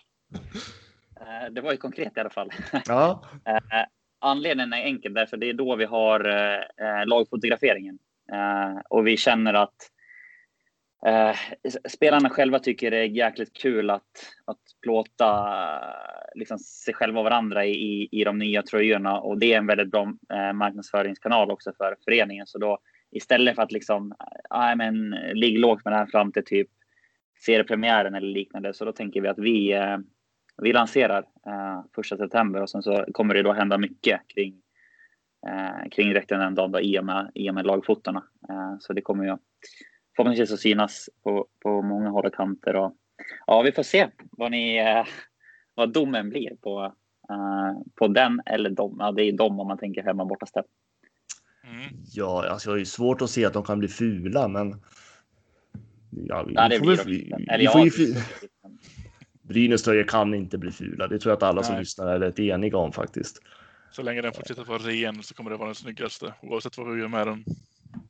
Ja, men precis. Ja, tänk om vi kom ut i, i, i eh, lapptäcke med hur mycket, mycket reklam som helst. Och Första september. Och de där oken är borta och allting liksom. ja, exakt. exakt. Skämtar inte ens om det. Nej, det hade inte. Nej, det kommer inte. Eh, ska vi se, Fredrik, hade du någon fråga? Mm. Vi har ju en som vi ska se om, om, du, om du vill utveckla lite på. Du var inne på det tidigare, men vi har fått in en fråga om, eh, om att Brynäs har varit inne på det här med premiumtjänst för brynäsare som är spridda lite mer utanför Gävle och vad det skulle innebära eh, både för, i typ av insyn och mervärde för, för oss som fans. Var det, det, du, var det kanske lite det du var inne på tidigare? Ja, eh, det var precis det. Och det är ju kul att, att frågan kommer, för det har ju varit lite, lite större om det på, på sociala medier, eh, främst på Twitter, eh, men också har jag blivit taggad i, några trådar på Facebook om det. Och det är ju fantastiskt att, att det också diskuteras bland supportrar nu och att frågan kommer nu är ett tecken på det. Så att jag utvecklade ganska mycket om det, om det innan och, och just det sista då för att tillägga någonting där gällande innehållet. Så jag hoppas ju att, att ni känner det Eh, alltså jag och, och flera andra i organisationen är liksom tillgängliga och, och vill ha er feedback och kan ta dialogen direkt i sociala medier eller, eller gladeligen via mejl. Liksom. Så att när det här kommer så vill jag liksom förmedla att, att det är våran gemensamma grej. Det är inte liksom så här kansliets idé, utan det är vår gemensamma grej. Ska den bli bra så måste vi tillsammans tycka att den blir bra. Och därav så kommer er feedback vara helt avgörande. Och, och den kommer ju gå att ändra. Alltså, nu eh, har det gjorts ett jobb med liksom, eh, där förhoppningsvis en del kloka personer har tagit fram. Det här tror vi liksom att, att brynäsarna vill ha i form av mervärden. Men ingen kan ju det svaret förut bättre än den som blir mottagare av det. Så att när det kommer, hör av er. Vi, jag skulle säga att vi, vi kommer vara beredda att, att gå en lång väg för att, för att eh, lösa det, liksom de, de önskemålen som, som kommer in. Mm.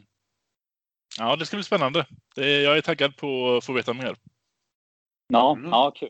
Ja, det blir spännande. Eh, Hade vi någon till fråga? Ja, eh, den här får du bedöma lite om det, är- om det är relevant fråga till dig eller inte. Men jag har fått lite frågor kring eh, hur samarbetet ser ut kommande med, med för Brynäs-shoppen och samarbetet med Intersport. Det har ju varit lite krasst. Det är ju många, eh, vad heter det? Många fans som tycker att det har varit eh, taskigt utbud till exempel. Ja, precis. Eh, den eh, feedbacken och, och, och för att inte liksom, eh, trolla bort ordet kritiken, för det är ju det det är. Det är, ju, det är väldigt tydligt att, att det är kritik. Eh, den har ju föreningen tagit till sig eh, och, och vi, alltså, vi ser ju det som, det som skrivs och det är ingen som är immun mot det och i det så är det såklart också då ingen som, som är nöjd. För att, eh, och jag tror inte att, att Intersport heller är nöjda innan eh, liksom domen från, eller bedömningen från Brynäsen är, är betydligt mer positiv än, än vad den är idag. så det är liksom återigen, det är också ett tecken på när det liksom eh, det som förs fram, den, den, den, den når verkligen hela vägen fram till de som är ansvariga. Eh, sen så är det inte jag som, som driver merchandise-frågan. Eh, eh, så att jag, jag kan inte svara på heller. Det är ju, eh, jag kan säga så mycket som att, att det pågår en förhandling där eh, kring hur det ska bli. Eh, det pågår man säga, parallella också spår för att se hur kan vi bli bredare i vårt merchandise-sortiment. så. Mm. och det är som, som egentligen alla saker och alla spår som vi jobbar på så, så är det ju två delar i det som avgör. Och del ett är att det ska bli så bra som möjligt för så många brynäsare som möjligt. Eh, och del två är ju att det ska bli det finns två typer av ekonomiska termer. Eh, utan att gå in för mycket på det så har vi brutto eh, och det är liksom ja, den to totala pengen liksom på, på intäkter och sen så liksom kan, är det ofta kopplade en hel del utgifter till det. Eh, och sen så blir det ett netto och det är ju hur mycket pengar blir kvar efter eh, intäkter plus utgifter. Och, och där är ju liksom del två att, att säkerställa den bästa möjliga nettoaffären för, för Brynäs IF så att uppsidan ekonomiskt blir så stor som möjligt. Eh, och det är de två spåren nu som, Eh, som eh, föreningen eh, reder ut. Och jag som, som verkligen gillar transparens och vill att ni ska veta så mycket som möjligt så är det, det, är, eh, det är min kollega eh, Johan Karling som, som han jobbar med, med Brynäs eh, största partnerskap och Intersport är ju i den kategorin. Så det, det är han som driver Eh, den här frågan mest nu i, i det operativa. Eh, och det är en högst prioriterad fråga för, eh, för honom och, och föreningen. Mm. Så, men därav så kan jag tyvärr inte säga datum att, att som med, med tröjan då att första september så, så, så kommer presentationen av lösningen. Men, men eh, ja, lösningen kan ju heller inte vara för långt bort liksom så. Men eh, vi får väl lov att, att, att återkomma där. Det är väl ett ganska tråkigt svar, men, men förhoppningsvis så, så är det ändå ett svar att, att Eh, vi vet att det måste bli mycket bättre. Eh, förhoppningsvis så är det tillräckligt i, i det här läget. Ja, men det, det är ändå en indikation på att det är en process som pågår. Det gör jag eh, definitivt. Eh, vi har en till här som jag tyckte var jättebra. Vi fick in den precis innan vi började inspelningen här från, eh, från Leif som skrev direkt till oss. I och med att Kava var en spelare som gjorde näst mest poäng i hela STHL de senaste tre säsongerna, skriver han, borde det varit högt prioriterat att behålla henne. Och han undrar lite kring hur kommer det sig att man inte valde att göra en fansens värvning på henne så som man gjorde på Bertilsson Berglund här? Eh, också en bra fråga och en rolig aspekt i det är att jag vet inte hur många gånger jag tjatade på, eh, på Erika. Att, jag var in på kontor. Du, har, du måste signa Käva till Brynäs. Du måste signa Käva till Brynäs. Eh, när de vann poängligan där i, eh, i Modo liksom så och gjorde en jättefin säsong här eh, för oss förra året. Eh, till att börja med så är det ju eh, Erikas fråga eh, eftersom att det är en, en eh, sportfråga på det sättet anknuten till lagbygget. Samtidigt så kommer det in en, en kommersiell del i den frågan i och med fansens värvning. Eh, och... Ja, för man hade väl ungefär 40 till 50 000 insamlade va? direkt i damlaget mm. i fansens värvning. Pengar som ska finnas mm, kvar mm. än idag. Ja, precis. Och eh, här behöver jag breda ut mig lite igen. Jag vet att jag har en ruggig dålig ovana att, att inte alltid bli snabb i svaren, men det här behöver också lyfta större, vilket också kommer in i det arbete som Brynäs IF startade upp för två år sedan och jobbar för nu, eh, vilket är att eh, liksom ha en, en, ambition att lyfta eh, vår damhockeyverksamhet och svensk damhockey och liksom förutsättningarna för spelarna till den dagen eh, där de är, om det så är om tre år eller fem år eller tio eller femton år när de kan spela hockey eh, heltidsprofessionella. Eh, precis så som herrar gör idag. Det behöver kanske inte vara eh, SHL-lön så, men även i Hockeyallsvenskan till exempel så, så lever ju spelare på, på att spela ishockey.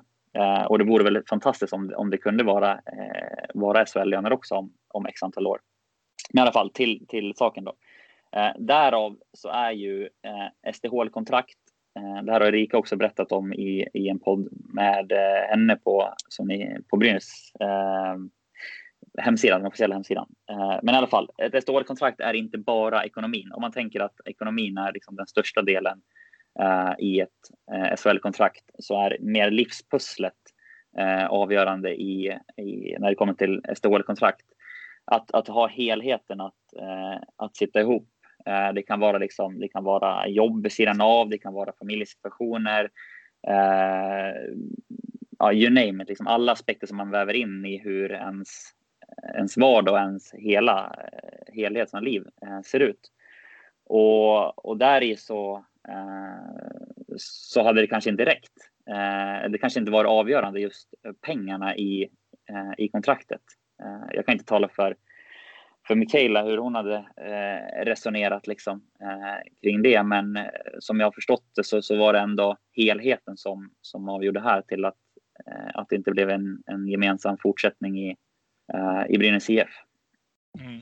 Jag vet inte om det var, Hojta ställde en följdfråga om det inte var tydligt nog, men vi kommer fram till det så här, ja men sen kan vi säga så här, ja men om ni hade hostat upp en miljon kronor då i, i en säsongskontrakt, ja, då hade kanske situationen sett annorlunda ut. Eh, det, det, kan vi inte svara på. Å andra sidan så hade du kanske haft en övrig spelartrupp då som hade undrat, okej, okay, men vad, vad innebär det här nu för, för helheten? Så det hade kanske blivit en, en eh, ripple-effekt då som, som hade kunnat skenat iväg. Men eh, ja, som sagt, mer, det var mer helhet än, än kontrakt tror jag.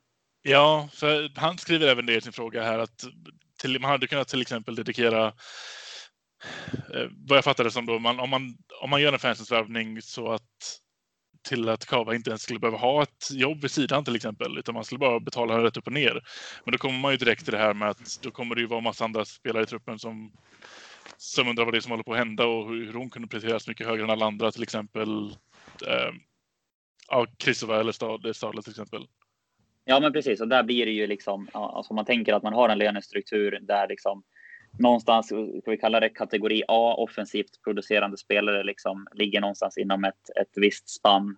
Eh, om det då flyger iväg liksom, eh, så, så, kan ju det väcka frågetecken i liksom den totala strukturen. Sådant måste man, man eh, väga in. Nu säger inte jag att eh, jag vill absolut inte att någon tror här att, att Kava har krävt några, eh, några orimliga summor, för så är det absolut inte. Utan det jag verkligen vill förmedla är att jag tror att att helheten för hennes, hel, helheten för hennes liv eh, var det som avgjorde. Mm.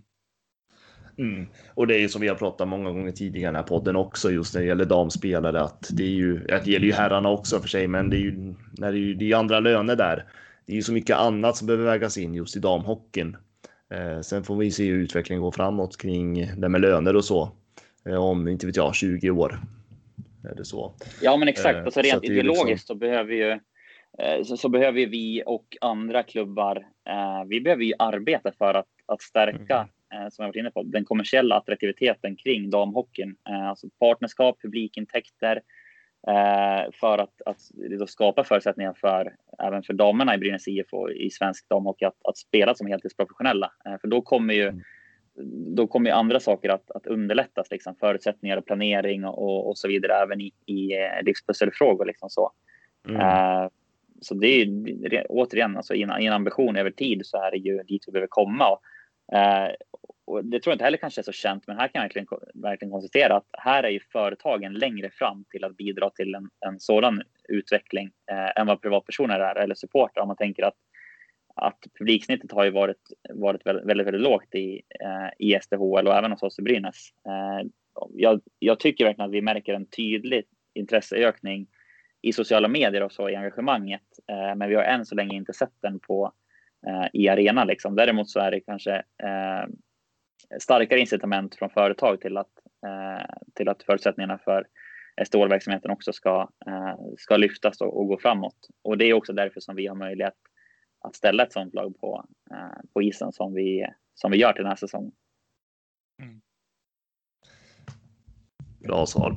Ja, vi får ju fördjupa oss mer i damerna med Rika Grav sen. Eh, så, så att, eh, det var bra svarat tycker jag ändå. Det var klockrent. Eh, jag har en sista fråga till dig Kevin. Ja. Din syn på Brynäs från tiden innan du kom in i föreningen och hur den är idag. Hur har den förändrats? Ja, jag, jag, kan ju säga så här att jag sitter än idag eh, och veckopendlar eh, 28 mil tur och retur för att få förmånen att jobba i den här föreningen. Eh, alla som någon gång har pendlat, jag tror att, det, att ett sånt svar eh, säger ganska mycket. Mm. Eh, det, är, det är sjukt häftigt eh, att få möjligheten att, att vara här. som sagt, du nämnde, refererade till Viktor att jag kommer ifrån eh, och är född och uppväxt i, i Västerås och där har det inte spelats, eh, ja på den tiden hette det elitserien, det är så länge sedan. Det har inte spelats herrhockey i, i högsta serien sedan, sedan år 2000, vilket alltså nu är, eh, 20 år sedan. Så att, eh, och, ibland kanske man glömmer eh, som Brynäs supporter givet den mäktiga historien som finns, vilket privilegium det är att, att eh, få leva tillsammans med en, en sådan stor klubb. Eh, sen det innebär inte att man ursäktar den sista säsongen av den underprestationen som har skett, för den har ju varit, det har jag nämnt tidigare själv också, det har ju varit en, en kraftig underprestation eh, i, på herrsporten som inte ska behöva, alltså Brynäs har bättre förutsättningar än att sluta 10, 11, 12 eh, utan tvekan liksom. Eh, sen sen växer, har ju stoltheten växt för varje dag och det är inte heller någonting. Så någon kanske tänker nu måste en säga sitt uppdrag liksom, men, men, men eh, det går liksom inte att undgå när man blir en del av, av föreningen. Eh, jag som också har en eh, som tycker om den här externa, liksom, alltså kontakten eh, på sociala medier och surret om hockey och så där liksom, har ju fått en anknytning till många brynäsare den vägen.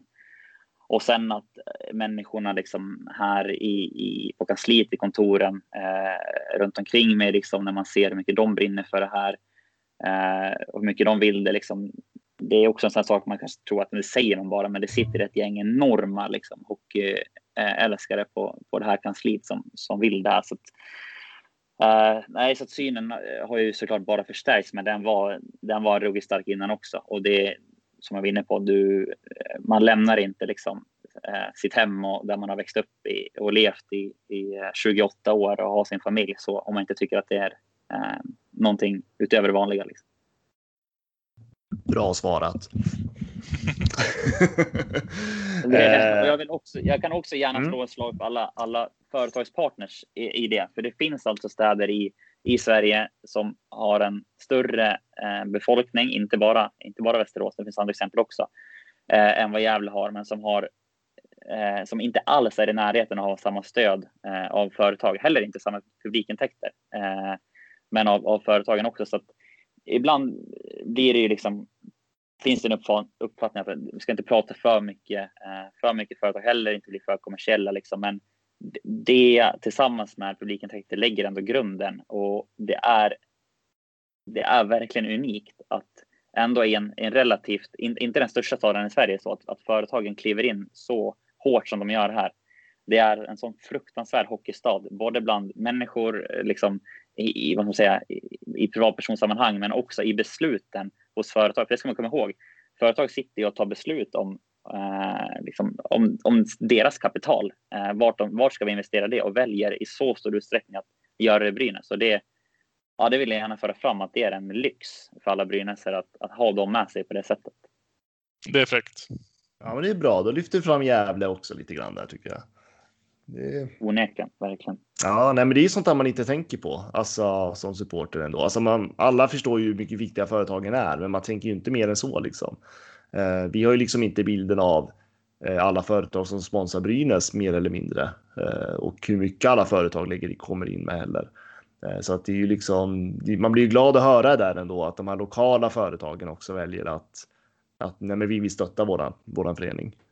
Mm. Ja, ja men att ta, ja. Och jag tänker, ja, och jag tänker jag som ändå uppväxt i Gävle vet ju hur viktig hockey är i den där stan. Det är ju liksom det det pratas om på gatorna. Eh, sen så kan många ha haft åsikter genom åren att det inte alltid har synts i arenan alltid, men eh, det finns ju ett så stort intresse om Brynäs i Gävle. Ja, och jag, jag lastar inte någon för, för utvecklingen som har varit. Liksom, I grund och botten, rent ideologiskt, önskar man att alla supportrar till Brynäs IF och till alla andra föreningar också eh, gick på sina matcher oavsett den sportsliga utvecklingen. Men, men det har ändå varit en devalvering eh, liksom sen 2012, eh, bortsett och exkluderat eh, finalsäsongen, då, så har ju alla andra säsonger varit en besvikelse i Brynäsens ögon. Så att till syvende och sist, ja, någon gång kommer det att påverka publiken negativt också. Jag säger så här, eh, låt oss få ordning på det här nu och vända det här uppåt.